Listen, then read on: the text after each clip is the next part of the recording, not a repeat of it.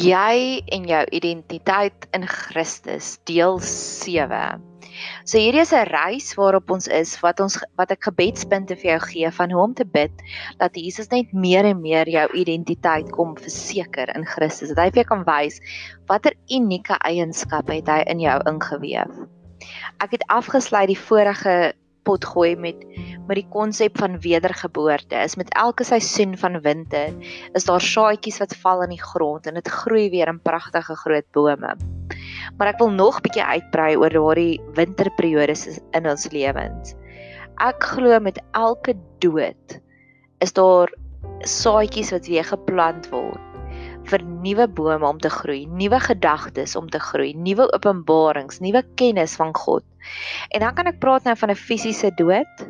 Dalk het jy iemand afgestaan in dood, maar ook ander tipe dood, soos die dood van 'n verhouding, die dood van drome wat jy gehad het, hartseer, die dood teleurstelling. Dis ook 'n tipe van dood. Jy het gehoop vir iets en dit het nie waar geword nie.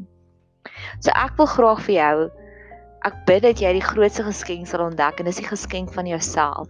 Om vir jouself te gaan vra of om vir God te gaan vra, Here, hierdie hartseer ding het nou gebeur in my lewe. Ek is teleurgestel hieroor. Ek het my hoop hier opgeblaas en dit het nie uitgewerk nie, maar ek weet it holy sacred moments sulke golden nuggets vir my voorberei, dinge wat ek kan leer van myself, wat ek vir myself kan leer hieruit en ook dinge wat ek kan leer van ander mense. Hoekom het mense so opgetree? Wat het dit gebeur? So vir elke liewe hartseer, vir elke liewe storm, vir elke liewe slegte ding wat gebeur in ons lewe, glo ek dat dit is die perfekte landerye. Jy weet, wanneer laas het jy gery in Suid-Afrika en jy het al die sonneblomme gesien of al die mielies? Elke liewe dood wat daar is in ons lewe is so 'n nuwe veld wat God vir ons voorberei het wat ons dan nou kan nuwe saadjies laat groei, nuwe saadjies van wysheid, van openbaring, van die waarheid van Christus, van ware liefde, van God se genade. En ek glo dis die verskil tussen 'n victim, 'n slagoffergees en 'n oorwinnaargees. Is die oorwinnaargees maak dadelik daai kop skuif om te sê dit is sleg. En ek het hierdie quote gehoor van let it hurt, let it bleed, let it heal, let it go.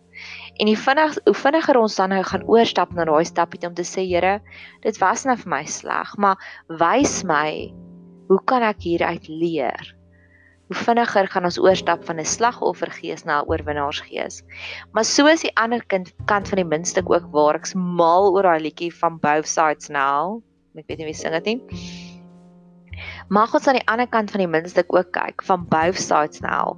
Vir elke goeie ding, vir elke intieme verhouding wat blom, is daar nuwe saadjies van gedagtes en van nuwe kennisse wat ons kan leer van God, oor God, nuwe openbarmaking. So vir elke droom wat gerealiseer het, vir elke intieme verhouding wat jy het, vir elke genesingsreis wat jy ondergaan het, glo ek daar's nuwe saadjies daarvan. So mag ons werklik waar op ons reis na onsself, ons eie identiteitsreis, mag ons pos druk en 'n joernaal koop en daarin gaan neerskryf om te sê dis die dinge wat sleg is en ek gee dit oor vir God. En dis die dinge wat goed gaan en ek sê dankbaar daaruit want jy sien Jesus het die broodjies en die visse gevat en vir die Here dankie gesê en toe het dit vermeerder. So ek glo daar daar's iets geesteliks nê, nee, so wonderlik wat gebeur. Die oomblik wat ons pos druk in ons lewe en sê ek is dankbaar vir die volgende goed in my lewe. So mag ons elke insident sien as 'n landery, 'n mielielandery, 'n sonneblomlandery, 'n koringlandery.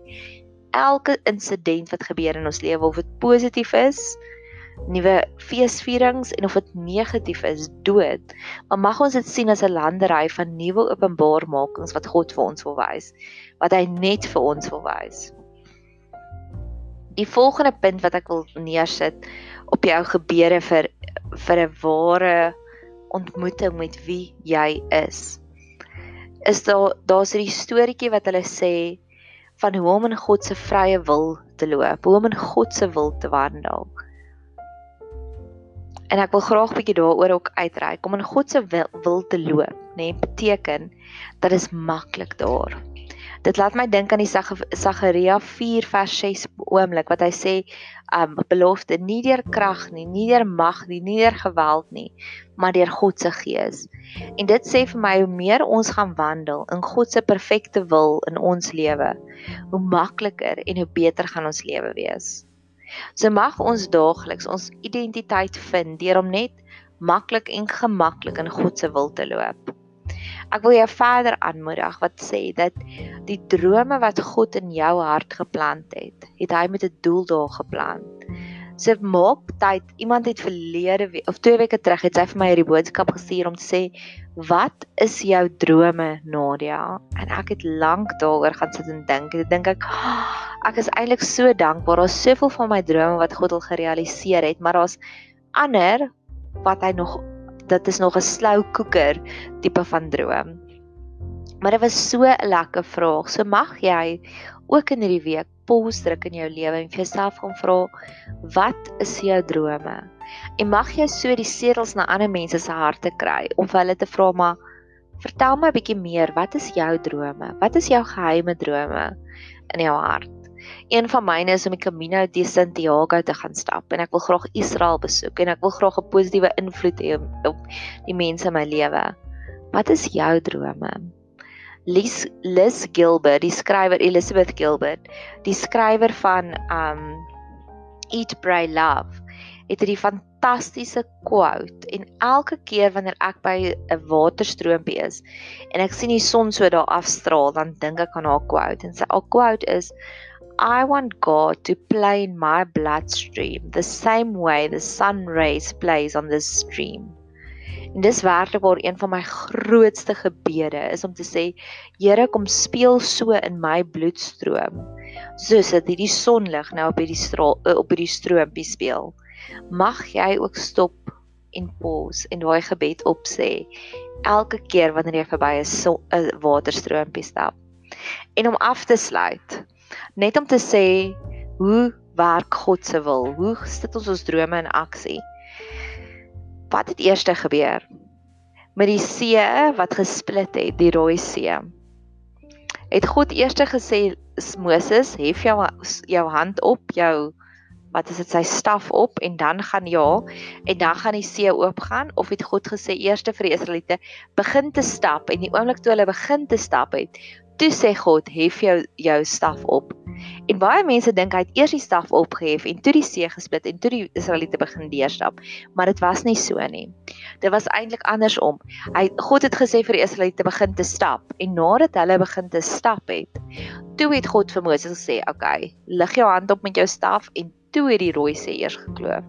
So baie kere glo ek, ons moet die eerste stap vat blindelings en dan sal God die wonderbaar die wonderwerk laat begin gebeur.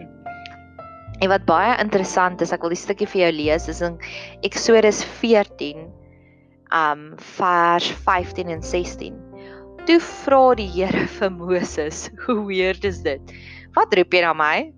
Sê aan die kinders van Israel dat hulle moet begin wegtrek en jy hef jou staf op en steek jou hand uit oor die see en kloof dit sodat die kinders van Israel dwars deur die see op droë grond kan deurtrek.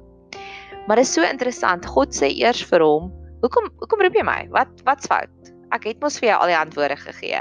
Ek wil dit graag lees Exodus 14 vers 15 en hy wie want gewoonlik sê die ehm um, daar's ander vertalings wat dit so oulike sê van hoekom hoekom roep jy nou maar then the lord say to jesus after moses why are you crying out to me?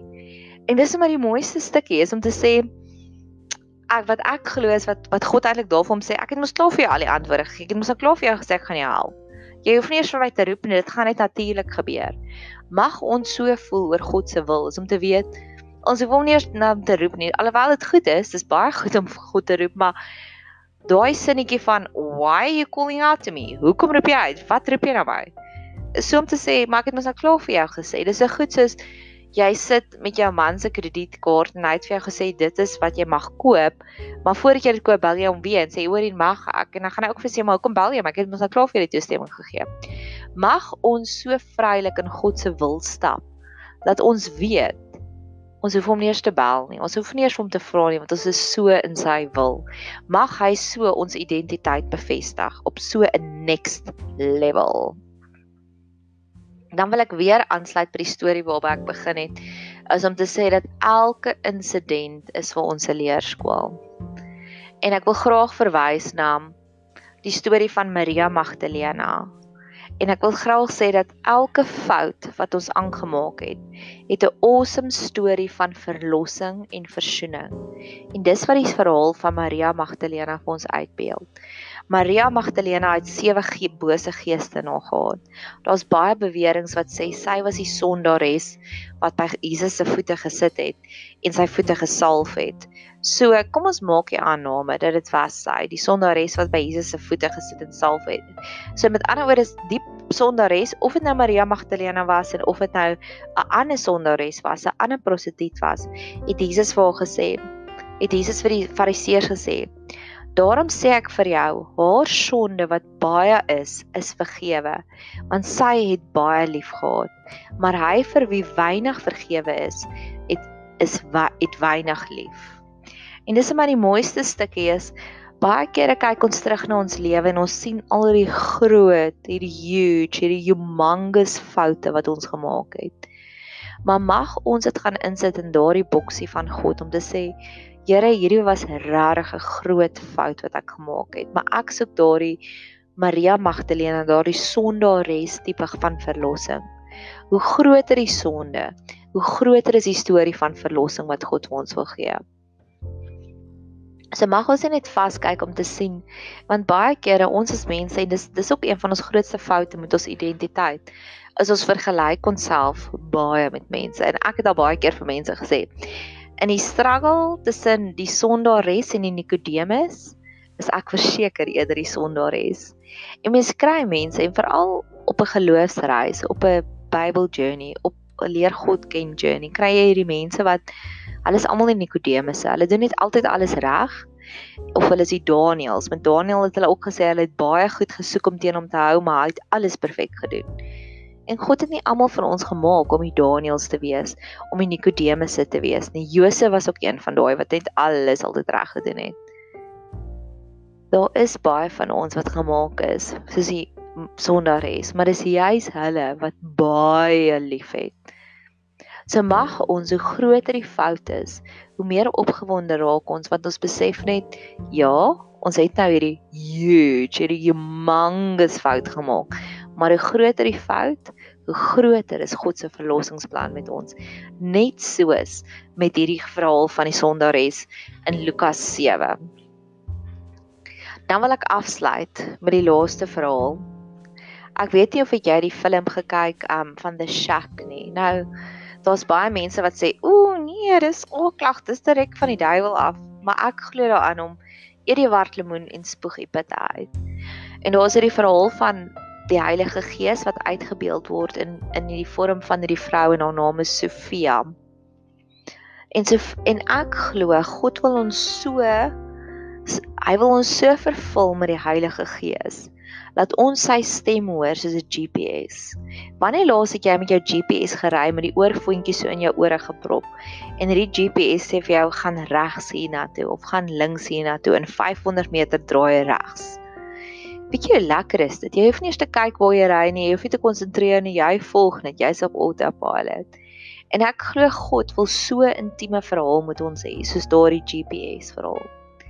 Tweedens, het ek ook hierdie my een vriendin wat elke keer voordat sy by 'n groot um ja, groot besluit staan voor haar lewe. So sy vra Here, indien ek dit moet doen, laat die visare na my toe kom en dan sien sy visare oral. Mag ons ook so onvoorwaardelik op God vertrou om te sê Here, indien ek hierdie moet doen, stuur vir my 'n visare, stuur 'n geel trok as jy nie bly waar daar visarende is nie wat ook al jou teken van bevestiging is, maar God wil God stel so intens belang. Hy wil vir ons elke liewe rigting wys, gaan links, gaan regs, net soos die GPS. En die laaste verhaal van the shack wat ek graag vir jou wil uitwys. Dalk sukkel jy. Tans om iemand te verstaan of selfs om iemand te vergewe. Jy weet hulle het jou ingedoen. Jy weet die Bybel sê vergewe. Jy weet daar soveel meer voor voordele wat inkom die oomblik wat jy iemand vergewe, maar jy sukkel werklik. Daai is vir my een van die grootste, mooiste stories vanuit God se genade, die redemption. Hy het hierdie gesprek met die man en hy sien die ander kant van die muntstuk met hierdie Heilige Gees.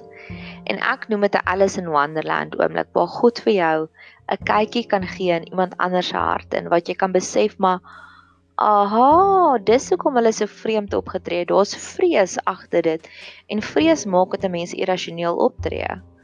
So dis my laaste wens en my laaste gebed wat ek saam met jou wil bid vir elke liewe moeilike situasie want God gee vir ons die Heilige Gees om dit vir ons makliker te maak.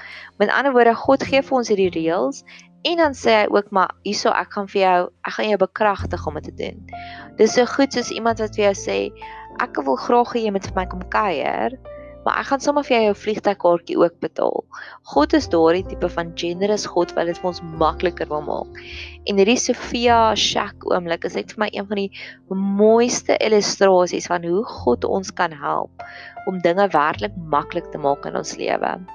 So vir watter ook al, wat ook al jy voor jou het, wat jy weet, jy moet of dalk iemand vergewe of jy moet 'n versoeningsgesprek gaan aanvoer of wat ook al wat God op jou hart lê wat jy moet doen, mag hy dit vir jou maklik maak soos daai kykie na 'n ander persoon se hart.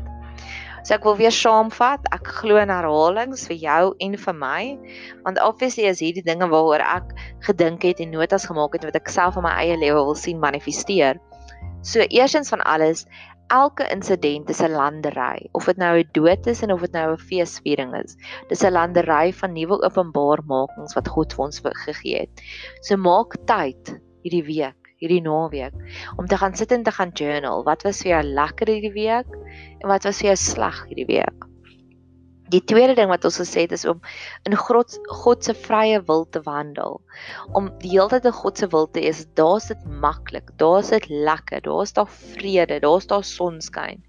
So mag God dit vir ons so maklik maak, soos wat God gesê het vir die vir Moses. Moses, hoekom soek jy my? Ek sal jou mos help mag ons so gemaklik voel by God dat ons weet hy gaan ons help en ek het die voorbeeld gegee van as jou man vir jou sy kredietkaart gee, gaan jy hom nie elke keer bel en sê mag ek maar R20 se biltong koop vandag nie. Jy gaan dit net koop want ek moes klaar vir die toestemming gegee. Die volgende een is is die sondares by Jesus se voete in Lukas 7 wat ek sê met groter die sonde is, hoe groter die foute is, hoe groter die mislukkinge is, hoe groter is God se plan van verlossing. Die wat min sonde vergewe het, is min lief vir min lief vir Jesus, maar die wat baie sondes vergewe het, is baie meer lief vir Jesus. So vir elke groot sonde wat ons het, het ons daai geleentheid om nog meer liewer te raak vir Jesus. En ek het afgesluit met die Sofia Shack stories om te sê God wil so intieme verhouding hê met jou. Hy wil sy hy wil jou GPS wees dat jy sê gaan links gaan regs. Ek het die voorbeeld gebruik met my vriendin wat die visarende het. En ek het ook gesê dat God kan selfs daai moeilike dinge om iemand te vergewe of daai moeilike gesprek kan hy vir ons maklik maak deur om 'n kykie te gee in die ander persoon se se hart. Mag jy 'n fantastiese reis op jou eie identiteitsreis hê.